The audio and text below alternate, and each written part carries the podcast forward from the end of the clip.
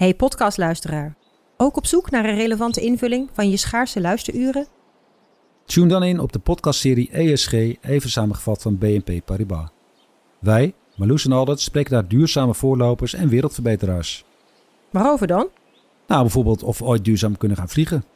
En waarom koeien in de stad nou een goed idee is? Dat en meer elke twee weken in een nieuwe aflevering. Dus abonneer je. ESG, even samengevat. Al 125 jaar kwaliteit voor jou thuis met Miele.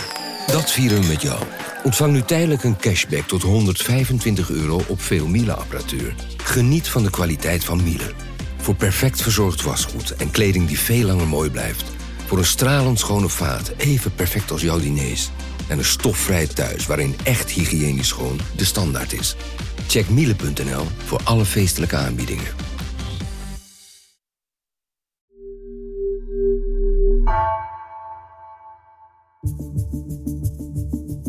Vanaf de redactie van NRC het verhaal van vandaag.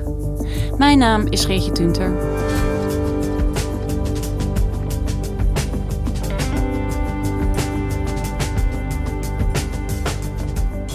Een tekort aan benzine of lege schappen in de supermarkt. De gevolgen van ransomware worden steeds zichtbaarder. Cybercriminelen die gebruik maken van gijzelsoftware richten hun pijlen de laatste tijd vooral op grote bedrijven, ziet tech-redacteur Mark Heink. Er worden miljoenen euro's aan losgeld geëist en vaak ook betaald.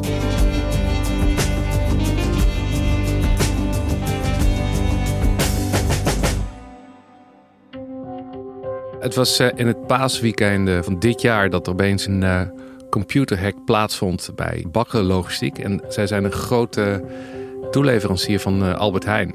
En de computers van dat bedrijf in Zeewolde, die werkt opeens niet meer. En mensen die na die tijd in het systeem probeerden in te loggen, die kregen maar één bestandje te zien. En dat had de mededeling, u bent gehackt en moet losgeld betalen. Anders krijg je ja, je bedrijf niet meer terug.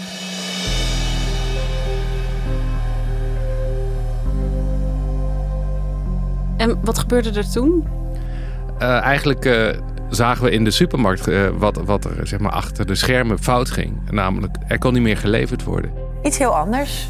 Kaas. Slecht nieuws voor kaasliefhebbers. Bij de Albert Heijn zijn de kaasschappen nog steeds niet overal gevuld. Door een hack bij een logistiek dienstverlener van de supermarkt vielen de leveringen stil vorige week. En de oplossing die is er dus nog steeds niet. Het waren de producten die als eerste vernieuwd moesten worden. Maar uh, als we problemen nog langer hadden doorgeduurd, waren misschien ook wel de koekjes of uh, andere artikelen niet meer leverbaar. Ja, ja, ik kan me dat ook nog wel goed herinneren. Inderdaad, het begint met één of twee producten en op een gegeven moment was gewoon het hele schap uh, zowat leeg. Hè? Ja, en wat dit bedrijf Bakkerlogistiek overkwam, was eigenlijk een typisch voorbeeld van, van ransomware.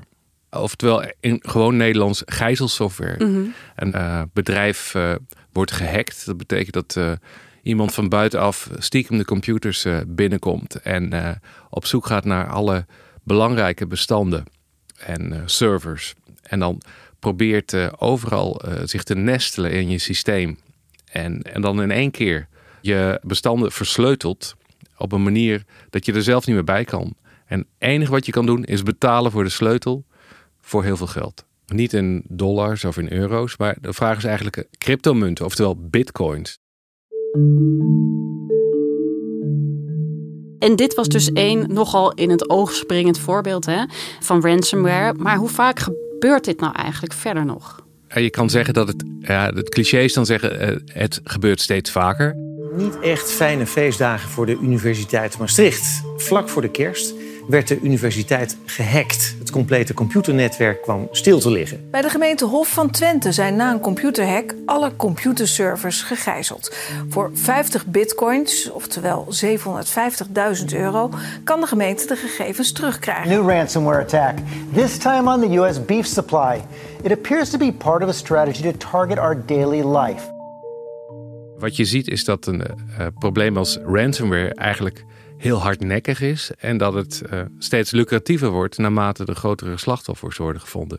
Maar het wordt nu echt tastbaar. Je ziet dat het niet alleen maar met computers en bedrijven op afstand te maken heeft, maar dat het daadwerkelijk dingen in de maatschappij uh, ja, verandert. Bijvoorbeeld uh, je, je, kaas die niet meer in het uh, schap ligt. Maar het, het zou ook uh, gewoon de, de brandstof voor je benzinestation kunnen zijn. Dat opeens ja, niet meer beschikbaar is omdat een bedrijf gehackt is. Waar het vroeger inderdaad een individu was die op een dodgy linkje klikte misschien of iets dergelijks. Ja, als, als het gaat om grote bedrijven, dan heeft het dus ook echt grote effecten als die platgelegd wordt. Je ziet dat het probleem eigenlijk geprofessionaliseerd is. Dus alle cybercriminelen zijn gedoken op de aantrekkelijke slachtoffers die veel geld hebben, mhm. die snel kunnen betalen en die je goed kan afpersen. En dat zijn bijvoorbeeld, nou, je ziet dat de laatste tijd bedrijven in de logistieke sector, maar het zijn ook gemeentes, het zijn provincies, het zijn uh, overheidsinstellingen, het zijn uh, universiteiten en opleidingen. En eenmaal in zo'n systeem gaan ze op zoek naar waar alle belangrijke informatie is. Maar we proberen ook eigenlijk te onderzoeken waar het geld zit en uh, hoe ze op zo'n uh, zo'n bedrijf het beste onder druk kunnen zetten. En het komt soms voor dat die hackers maandenlang uh, in het systeem rondhangen voordat ze daadwerkelijk die sleutel omdraaien oh. en je dan gaan hacken. Dus ze weten precies waar alle belangrijke klanteninformatie staat. Ze weten precies wie de baas is en wie toegang heeft tot, tot alle computers. En uh, nou, misschien hebben ze ook nog wel geheimen van de directeur of uh, de, de, afdeling uh, eh, HR ontfutseld, die je echt niet naar buiten wilt zien gaan. Dat kunnen ze gebruiken om die afpersing eigenlijk nog ja, efficiënter te laten verlopen. Ja, en dus die professionaliseringsslag, hè, als je overstapt van particulieren naar bedrijven, dat betekent ook dat er veel meer geld verdiend wordt, neem ik aan. Ja, de laatste tijd zijn de bedragen die aan losgeld ge geëist worden heel snel opgelopen. Afgelopen jaar, dus in het coronajaar, is het eigenlijk geëxplodeerd. Uh, is het van tienduizenden naar honderdduizenden naar nu miljoenen uh, euro's of dollars aan bitcoins uh, gegaan. En het heeft vooral te maken met die hele grote bedrijven die een, een, belangrijke rol in een, ja, bijvoorbeeld een distributieketen of in een logistieke keten vervullen. Ja, die kun je enorm onder druk zetten. En die hebben dus het geld om, om dat te betalen.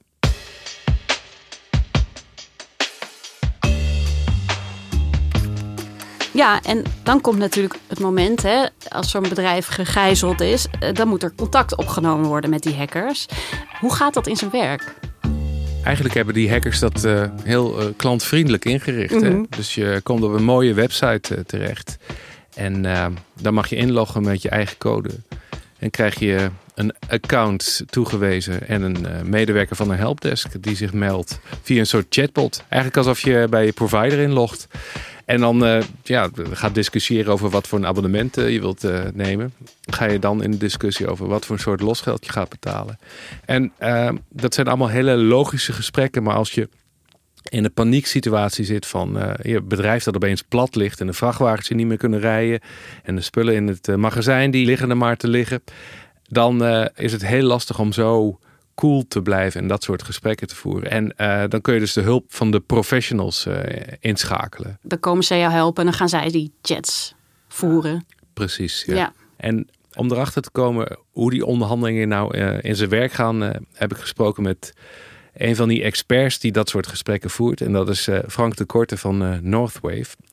En hij liet me eigenlijk achter de schermen zien hoe zijn chatgeschiedenis eruit ziet met een van die hackersgroepen. En het was de hackersgroep Conti. En hij wilde wel zeggen wie er aan de andere kant van de lijn zat. Maar hij wilde niet zeggen om welk bedrijf het ging dat gehackt werd. Hallo.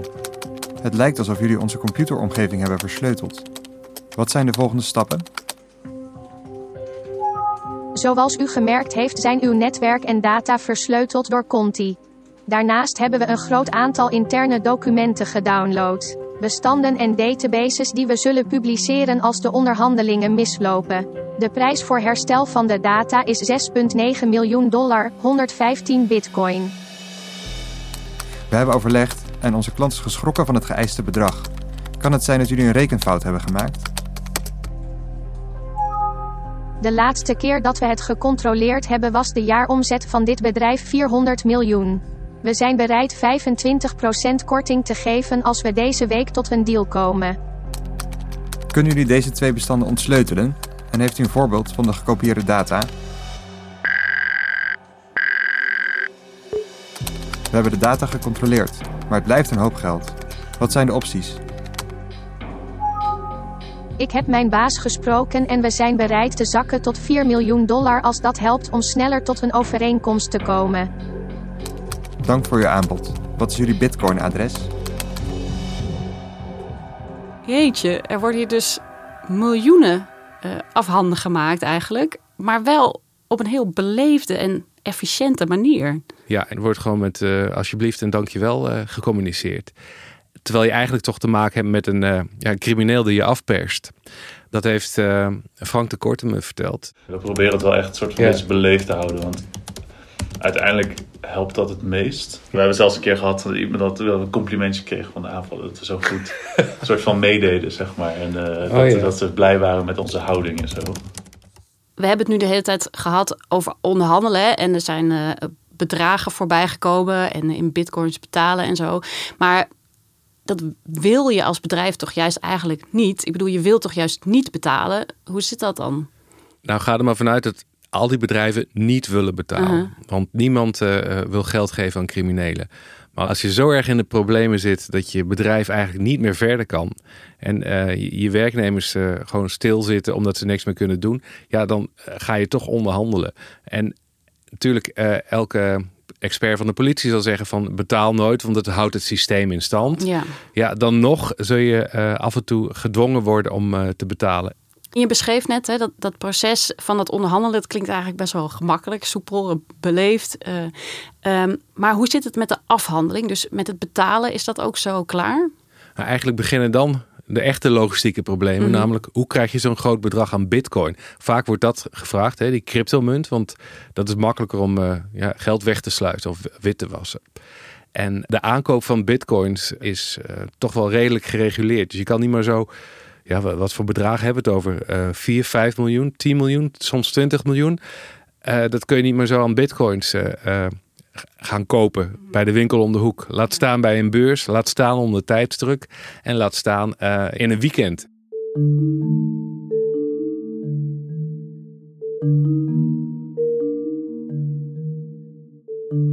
Eerder zei je, dit is de meest lucratieve vorm van uh, cybercrime. Het neemt ook echt duidelijk toe. Uh, dan vraag je natuurlijk ook af, wordt er dan niks tegen gedaan? Ja, er wordt wel degelijk iets gedaan door overheden en opsporingsdiensten om uh, dit probleem aan te pakken. En een van de, de meest recente ontwikkelingen op dat gebied is eigenlijk uh, de hack van Colonial Pipeline. Dat is een bedrijf dat brandstof levert in de Verenigde Staten. De belangrijkste oliepijplijn in de Verenigde Staten is sinds afgelopen vrijdag stilgelegd door een hack met gijzelsoftware. This as NBC News has learned Colonial Pipeline paid nearly 5 million in ransom to hackers who infiltrated their system, which led to the shutdown. En het heeft daar voor zoveel onrust gezorgd en zelfs uh, rijen bij tankstations en tekorten en opvliegende prijzen opeens dat er een uh, ja, een soort oekase is uitgegaan uh, bij de overheidsdiensten. Van, we gaan dit probleem van de ransomware aanpakken. En zo goed aanpakken dat we alle mogelijkheden van opsporingsdiensten geven, die bijvoorbeeld terrorismebestrijding ook heeft. Ja, ik snap ook dat je wel wakker geschud wordt hierdoor als overheid. Ja, want uh, als je aan de brandstof van de Amerikanen komt, uh, ja, dan kom je toch echt aan een ziel, om maar zo te zeggen. Mm -hmm. En heel belangrijk is dat, dat de overheidsdiensten in Amerika direct hun uh, vinger wezen richting Rusland. Want daar zagen ze, zitten de grote ransomware bendes bij elkaar.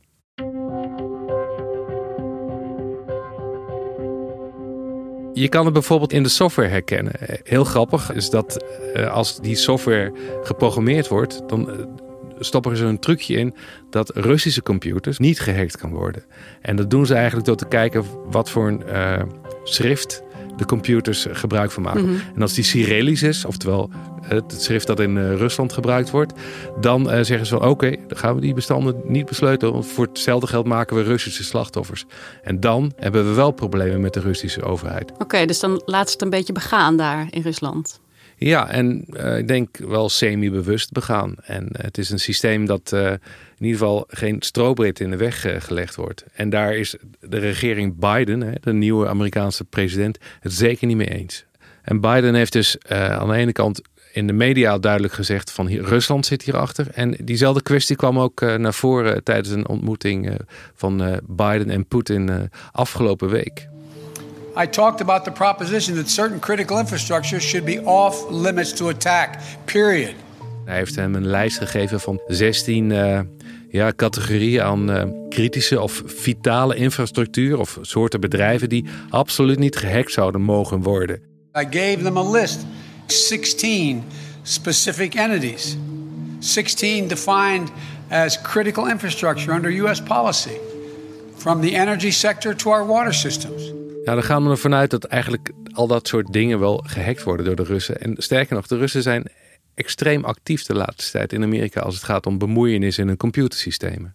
Ja, dus Amerika is wel echt wakker geschud en pakt het nu echt serieus aan, zo lijkt het in ieder geval. Hoe zit dat in Nederland? Ja, in Nederland is iedereen ook wakker. En we hebben zelfs een taskforce, uh, de Taskforce uh, Ransomware. En die zit bij Team High Tech Crime. Dat geeft aan dat het probleem hier wel degelijk op de radar staat.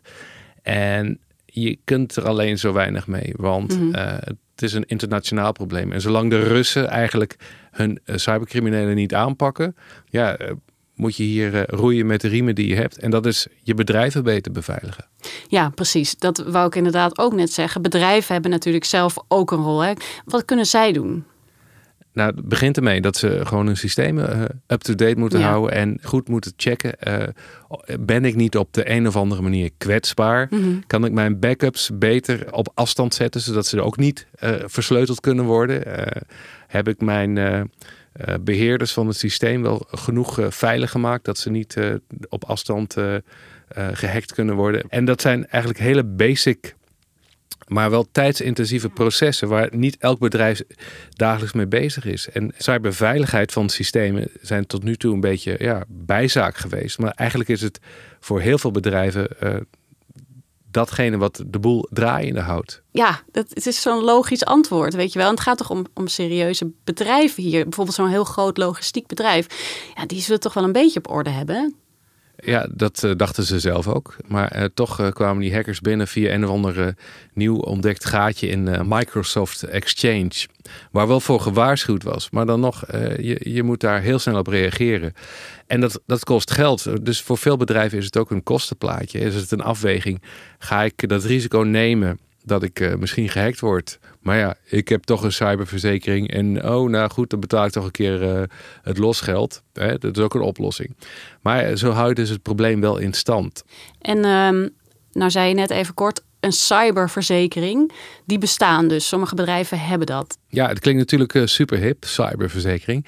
Maar eigenlijk is het een soort uh, algemene polis die je afsluit voor computerproblemen. En waaronder de, de ransomware aanvallen. En daar is in het begin, eigenlijk voordat die uh, ransomware host echt op gang kwam, best wel veel gebruik van gemaakt. Maar je ziet nou eigenlijk nu de losgeldbedragen oplopen. Dat ze toch wat huiverig zijn om die uh, klanten allemaal te houden. Dus de polissen gaan omhoog of worden veranderd. Tegelijkertijd uh, hoorde ik dat er ook cyberverzekeraars worden gehackt om daar die lijst van klanten vandaan te halen. En dat zijn dan weer ja, interessante slachtoffers voor cybercriminelen. Want je weet zeker dat zij een losgeldverzekering hebben en dus zullen betalen of kunnen betalen. En uh, ja, dan zou het feit dat je verzekerd eh, bent zich tegen je kunnen keren. Oké, dus het advies is: hè, bescherm je bedrijf nou maar goed. En als je dat goed doet, nou, dan gaat het misschien ook echt aan jou voorbij. Dus dat is op zich goed nieuws. Ja, is het ook. En ik denk dat iedereen erbij gebaat is. Maar als je vanuit een cybercrimineel redeneert, dan zal hij op zoek gaan naar andere slachtoffers. Mm -hmm. Dus uh, instanties die uh, een kleine IT-budget hebben, die de eindjes aan elkaar moeten knopen. En waar ze lang blij zijn dat het werkt en niet uh, hoe. En dan heb je bijvoorbeeld lokale overheden of kleine scholengemeenschappen of ziekenhuizen. Ja, dat zijn nog dan uitermate dankbare slachtoffers. Nadeel is, uh, ja, er valt minder geld te halen. Dus die cybercriminelen zullen alleen maar meer van dat soort slachtoffers proberen te maken. Ja, dat is een nadeel van het uh, beter beveiligen van de duurste uh, klanten. Dankjewel, Mark. Graag gedaan.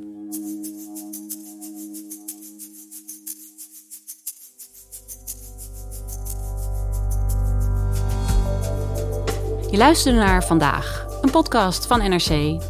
Eén verhaal, elke dag. Deze aflevering werd gemaakt door Allegria Ioannidis, Iris Verhulsdonk en JP Geersing. Dit was vandaag, morgen weer.